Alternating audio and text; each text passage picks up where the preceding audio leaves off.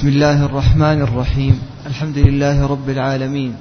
والصلاة والسلام على أشرف الأنبياء والمرسلين نبينا محمد وعلى آله وصحبه أجمعين.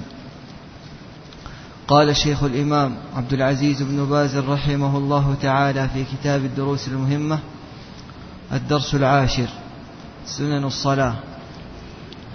سنن الصلاة ومنها الاستفتاح. بسم الله الحمد لله والصلاة والسلام على رسول الله. تقدم معنا في الدرس الماضي أخذنا أركان الصلاة وشروط الصلاة وواجبات الصلاة والآن شرع المصنف رحمه الله في بيان سنن الصلاة. أركان الصلاة الركن يكون داخل الصلاة والشرط يكون خارج الصلاة أو خارج العبادة بأكملها فالركن يكون داخل ماهية العبادة والشرط خارج الماهية.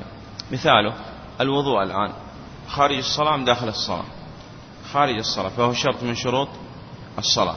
قراءة الفاتحة ركن من أركان الصلاة فهو داخل الصلاة. هذا الفرق الأول بين الشرط والركن. الفرق الثاني أن الشرط لابد يمتد من أول العبادة إلى نهاية العبادة. مثاله الوضوء الآن. هل الوضوء يكون في الركعة الأولى فقط؟ ولا لابد أن يكون في كل الصلاة؟ لابد أن يكون في كل الصلاة. لكن تكبيرة الإحرام مثلا متى كبر لتكبيرة الإحرام انتهى الركن؟ صحيح. متى قرأ الفاتحة انتهى الركن. إذا الشرط لابد يمتد في جميع أجزاء العبادة والركن في جزء من أجزاء العبادة هذا الفرق بين الشرط والركن. إذا أولا الشرط خارج العبادة والركن داخل العبادة. الشرط لا بد يمتد من أول العبادة لنهاية العبادة والركن في جزء من أجزاء العبادة. اتفق الشرط والركن أنه لا يقبل لا يقبل في الشرط ولا الركن لا جهل ولا نسيان ولا عمد. مثاله لو جاءنا إنسان وقال والله آه، تذكرت بعد صلاة الفجر أني صليت الفجر بغير وضوء فالصلاة باطلة إن كان جاهل أو ناسي أو متعمد. كذلك لو ترك قراءة الفاتحة جهلا أو نسيانا أو عمدا فالصلاة باطلة. إذا اتفق الشرط والركن أنه لا يقبل في الشرط والركن لا جهل ولا نسيان ولا عمد. سوف يعود معنا إن شاء الله في المراجعة. نذكر هذه الأمور عندما يعني نذكر شيء من سجود السهو إن شاء الله تعالى. إذا الشرط خارج والركن داخل. الشرط في جميع أجزاء العبادة والركن في جزء من أجزاء العبادة وقد ينتهي. مثال تكبيرة الإحرام مجرد ما تقول الله أكبر انتهى الركن. ولا يقبل في الشرط والركن لا جهل ولا نسيان ولا عمد. انتهينا الآن من الفرق بين الشرط والركن. يبقى معنا الفرق بين الواجب و والركن. لماذا قلنا ما هو الفرق بين الشرط الواجب والركن ولم نقل ما هو الفرق بين الركن والشرط؟ لأن تقدم معنا أن الشرط خارج العبادة. الآن اللي يلتبس مع الواجب هو الركن. اتفق الشرط الواجب والركن أن كلاهما داخل العبادة وأنه لا يقبل في الواجب العمد ويقبل فيه الجهل والنسيان إذا فارق الركن في العمد وافق في العمد وخالف في الجهل والنسيان. مثاله التشهد الأول قلنا واجب من واجبات الصلاة فلو ترك التشهد الأول حكم الصلاة في تفصيل. إذا ترك التشهد الأول عمدا فالصلاة باطلة لأنه موافق للركن وإذا ترك التشهد الأول جهل أو نسيان فالصلاة صحيح. إذا الفرق بين الواجب والركن أن الواجب يقبل فيه الجهل والنسيان والركن لا يقبل فيه الجهل ولا النسيان. واتفقوا في أن كلاهما داخل العبادة وأنه لا يقبل فيهما عمد. انتهينا؟ طيب. ما هو الفرق بين السنة والواجب؟ السنة قال يقبل فيها الجهل والنسيان والعمد. مفهوم؟ نعم. طيب. وهو بدأ الآن ببيان بعض سنن الصلاة. الأول دعاء الاستفتاح. دعاء الاستفتاح يكون في الركعة الأولى بعد تكبيرة الإحرام وقبل قراءة الفاتحة. ولكن تقدم معنا إذا أدرك المأموم الإمام راكع يركع ويعتد بركعة وتسقط عنه قراءة الفاتحة. وكذلك الاستفتاح ليس عليه استفتاح. كذلك الآن في صلاة الجنازة يأتي معنا إن شاء الله أن صلاة الجنازة ليس فيها دعاء استفتاح. الأصل أن المصلي يعني ينوع بين الأذكار حتى يعني ينشط في العبادة ولا تكون العبادة على وتيرة واحدة ولا يحصل له فيها شيء من الخشوع. فتارة يقول سبحانك اللهم بحمدك تبارك اسمك وتعالى جدك ولا إله غيرك. أو تارة يقول اللهم باعد بيني وبين خطاياك كما بعدت بين المشرق والمغرب. الدعاء الوارد عن النبي صلى الله عليه وسلم. فيغير بين الأذكار. يعني تارة يقول هذا الذكر وتارة يقول ذكر آخر من أذكار الاستفتاح في الصلاة. نعم. جعل كف اليد اليمنى على اليسرى فوق الصدر حين القيام قبل الركوع وبعده. يقول أن من سنن الصلاة أن تضع باطن الكف اليمنى على ظاهر الكف اليسرى والرسخ والساعد. يعني ثلاث أمور. لابد هذا الباطن يوضع على ثلاثة أشياء. ظاهر الكف والرسق والساعد إما وضع هكذا أو قبض هكذا. طيب. على الصدر. نعم. في القيام الأول. ويقول أيضا في القيام الثاني بعد الرفع من الركوع هذا الذي يرجح الشيخ بن عثيمين رحم آه بن عثيمين رحمه الله والشيخ بن باز. رحمه الله الجميع. نعم. الثالثة. رفع اليدين مضمومتي الأصابع ممدودة حذو المنكبين أو الأذنين عند التكبير الأول وعند الركوع والرفع منه وعند القيام من التشهد الأول إلى الثالثة. رفع اليدين حذو الأذنين يعني محاذاة لا يمس شحمة الأذنين. متجهة بها بالكف إلى القبلة ممدودة الأصابع يقول. حذو الأذنين أو حذو المنكبين. متى يقول عند تكبيرة الإحرام وعند تكبيرة الركوع وعند الرفع من الركوع وعند القيام من التشهد الأول إلى الركعة الثالثة. نعم. ما زاد عن واحدة في تسبيح الركوع والسجود. تقدم معنا أن من واجبات الصلاة أن يقول مرة واحدة سبحان ربي العظيم في الركوع. ومرة واحدة سبحان ربي الأعلى في السجود. ومرة واحدة يقول رب اغفر لي. فما زاد يعني مثلا يقول مرة ثانية سبحان ربي العظيم. فهذه الثانية سنة إلى ما شاء الله يزيد. وفي كذلك السجود وبين السجدتين. أو يأتي بذكر آخر مع هذا الذكر. مثاله يقول سبحان ربي العظيم مرة حصل به الوجوب. ثم بعد ذلك يقول آه، سبح قدوس رب الملائكة والروح سبحانك اللهم ربنا وبحمدك اللهم اللهم اغفر لي. وغيره. نعم. ما زاد على قول ربنا ولك الحمد بعد القيام من الركوع وما زاد عن واحدة في الدعاء بالمغفرة بين السجدتين. آه، الأصل تقدم معنا نفاجمة الصلاة يقول سمع الله لمن حمده للإمام والمنفرد. وربنا ولك الحمد للجميع. طيب ما زاد عن هذه؟ ربنا ولك الحمد يزيد يقول حمدا كثيرا طيبا مباركا فيه. أو يقول لربي الحمد لربي الحمد لربي الحمد كما كان يقول النبي عليه الصلاة والسلام. قال هذه الزيادة سنة. نعم. جعل الرأس حيال الظهر في الركوع. نعم. هذا الأصل أن في الركوع أن يكون الرأس لا يطأ الرأس ولا يرفع الرأس بل يجعله حيال الظهر. نعم على استقامة واحدة. نعم. مجافاة العضدين عن الجنبين والبطن عن الفخذين والفخذين عن الساقين في السجود. نعم ثلاثة أشياء لابد فيها من آه، السنة فيها المجافاة. نعم. رفع الذراعين عن الأرض حين السجود. أن لا يفرش الذراعين كافتراش السبع. الأصل أنه يرفع عن الأرض. نعم. جلوس المصلي على رجله اليسرى مفروشة. ونصب اليمنى في التشهد الأول وبين السجدتين. إذا جلسات الصلاة كلها الأصل فيها أن ينصب اليمنى ويفرش اليسرى ويجلس عليها. ويجعل اليمنى الأصابع بطن الأصابع جهة القبلة بطن الأصابع في الأرض والأصابع متجهة إلى القبلة. هذه جلسات الصلاة كلها إلا في الصلاة الرباعية والثلاثية في التشهد الأخير يتورك. نعم. التورك في التشهد الأخير في الرباعية والثلاثية وهو الجلوس على مقعدته وجعل رجله اليسرى تحت اليمنى ونصب اليمنى.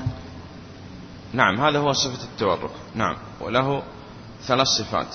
نعم. الإشارة بالسبابة في التشهد الأول والثاني من حين يجلس إلى نهاية التشهد وتحريكها عند الدعاء.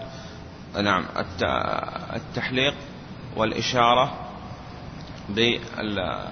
بالسبابة أو المسبحة إلى نهاية التشهد ويحركها سؤال الإمام أحمد قال نعم شديدا. نعم كما ورد هذا عن النبي عليه الصلاة والسلام. نعم. الصلاة والتبريك على محمد صلى الله عليه وسلم وآل محمد وعلى إبراهيم وآل إبراهيم في التشهد الأول.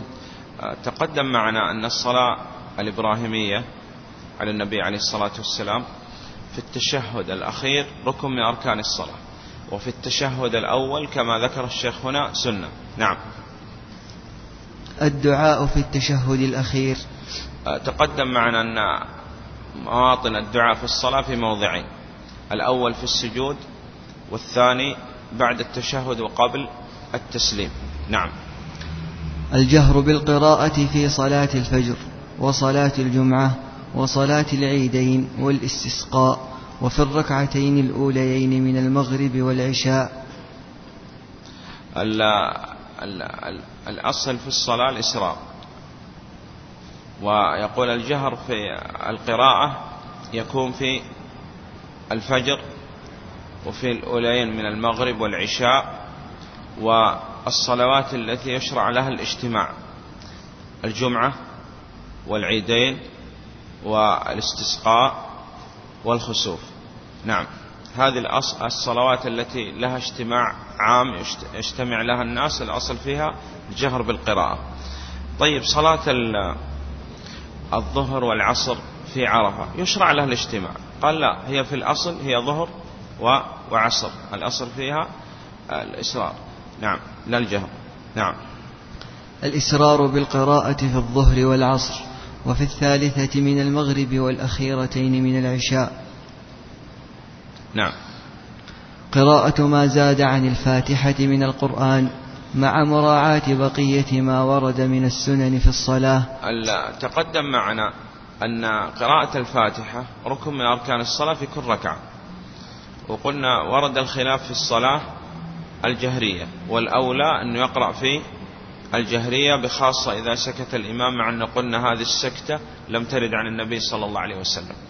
وقال ما زاد عن الفاتحة في القراءة. الأصل قال استحباب قراءة ما زاد عن الفاتحة في الأولين.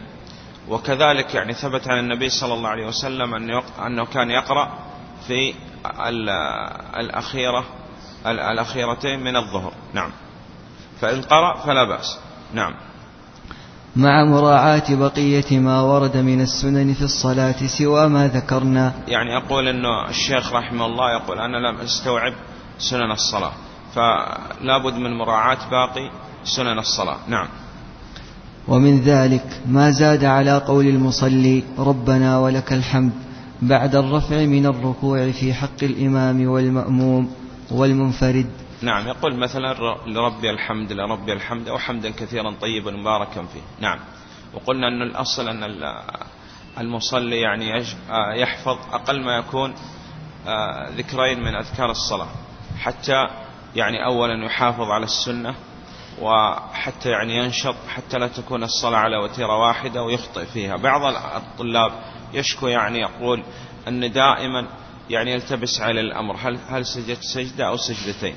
نقول له نوع بين الأذكار. مثلا في السجدة الأولى قل سبحان ربي الأعلى وتضيف آه، إلى سبحان ربي الأعلى تضيف مثلا سبوح قدوس رب الملائكة والروح.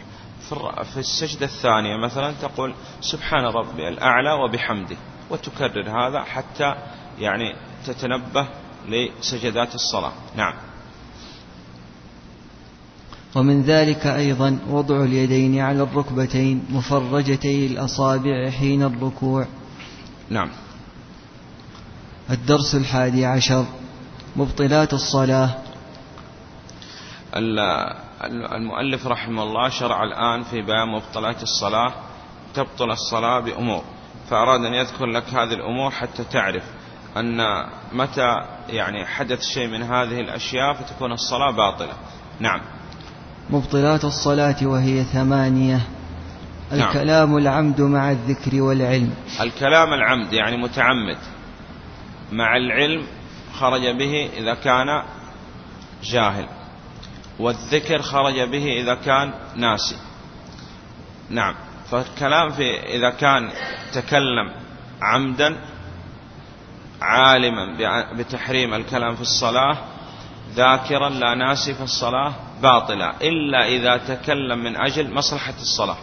مثاله الإمام مثلا أخطأ في القراءة يفتح المأموم عليه. أو مثاله اختلط على الإمام فلا يدري أيركع أم يسجد أم يجلس أم يقوم. فالمأموم ينبه الإمام. لكن العلماء رحمهم الله قال ينبه يعني بكلمة وردت في الكتاب أو السنة لأن النبي صلى الله عليه وسلم قال في حديث معاذ بن الحكم السلمي رضي الله عنه قال إن هذه الصلاة لا يصلح فيها من كلام الناس شيء.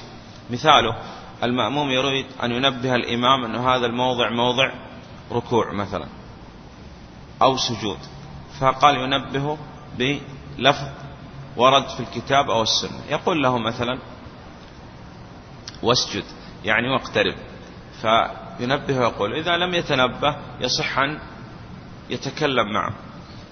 الدليل حديث ذو اليدين. حديث ذو اليدين الصحابة كلموا النبي صلى الله عليه وسلم وذو اليدين كلم النبي صلى الله عليه وسلم. وهذا الكلام داخل الصلاة لأن الصلاة بقي منها ركعتان. نعم. إذا يصح الصلاة من أجل الكلام من أجل مصلحة الصلاة. نعم. الضحك. الحركات في الصلاة خلاصة هذا الأمر. الحركات في الصلاة أخواننا خمسة. حركة محرمة وحركة مكروهة وحركة مباحة وحركة مستحبة وحركة واجبة. هذه الحركات في الصلاة خمسة. كما يقول الشيخ بن عثيمين رحمه الله. الحركة المحرمة الضحك والأكل والشرب والالتفات الكثير عن القبلة والحركة الكثيرة المتوالية عرفا لغير حاجة. يعني يتحرك حتى يعني عندما تراه تظن أنه غير مصلي. طيب هذه الحركات المحرمة وسوف يأتي يعني الشيخ عليها. الضحك والأكل والشرب والالتفات الكثير عن القبلة والحركة الكثيرة المتوالية عرفا لغير حاجة. نعم. طيب. عندنا حركة قليلة غير متوالية لغير حاجة. فهذه حكمها مكروهة. طيب. الحركة المباحة سقط من جيبه مثلا شيء من النقود وكذا فأخذ هذه النقود ووضعها في جيبه. مثاله يعني دق الجوال مثلا فمباشرة وضع يديه داخل الجيب وأغلق الجوال. هذه حركة مباحة. نعم. طيب. عندنا حركة مستحبة مثلا سد الفرج. حركة واجبة. مثال الحركة الواجبة. سقط على مثلا الغترة أو شيء مما يلبس على الرأس. سقط عليه نجاسة. فالواجب إزالة النجاسة. مجرد ما تسقط النجاسة على الغترة مثلا يحمل هذه الغترة ويضعها بجانبه ويكمل الصلاة. هذه حركة واجبة. آه، قال أيضا الركوع والسجود الآن. جاءنا إنسان نقول اركع واسجد قال ما تحرك في الصلاة. قلنا هذه حركة واجبة. لابد تركع وتسجد. نعم. الثاني قال الضحك لأنه هذا من الحركات المحرمة. نعم. التبسم في الصلاة قال مكروه. نعم. الضحك. نعم. الأكل والشرب. الأكل والشرب. لكن إذا كان بين أسنانه شيء يعني مثلا في يعني أيام الصيام مثلا بعد المغرب كان يأكل شيء من التمر أو من الحيسة ثم عندما يعني كبر الإحرام وجد طعم شيء من هذا التمر أو الحيسة فهذا لا يعد أكل وشرب لكن يعني هذا الأصل أنه مكروه. نعم. انكشاف العورة. انكشاف العورة. نحن تقدم معنا أن من شروط الصلاة ستر العورة. وإذا اختل ركن من أركان الصلاة لأنه قلنا أركان الصلاة آه هذا من شروط الصلاة. إذا اختل ركن أو شرط من شروط الصلاة في الصلاة باطل وهذه اعتبر أنه مبطلات الصلاة ترك واجب سواء آه، ترك واجب عمدا وترك ركن جهل أو نسيان أو عمد حتى يأتي به وترك شرط من شروط الصلاة جهل أو نسيان أو عمد.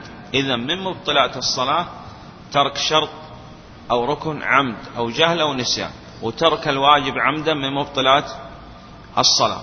إلا قالوا أنه شرط من شروط الصلاة عندنا أنه إذا صلى وعليه نجاسة وكان لا يدري عن هذه النجاسة وصلى في الصلاة صحيحة لأن النبي صلى الله عليه وسلم صلى في نعليه وكان في نعليه عليه الصلاة والسلام أذى وجبريل عليه السلام نبه النبي عليه الصلاة والسلام ولم يبتدئ النبي صلى الله عليه وسلم يعد الصلاة من جديد بل أتم الصلاة عليه الصلاة والسلام.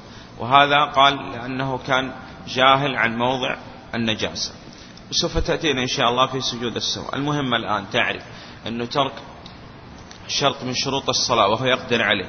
أو ركن من أركان الصلاة وهو يقدر عليه. خرج به لو كان غير مستطيع. مثاله إنسان مريض محروق نائم على السرير.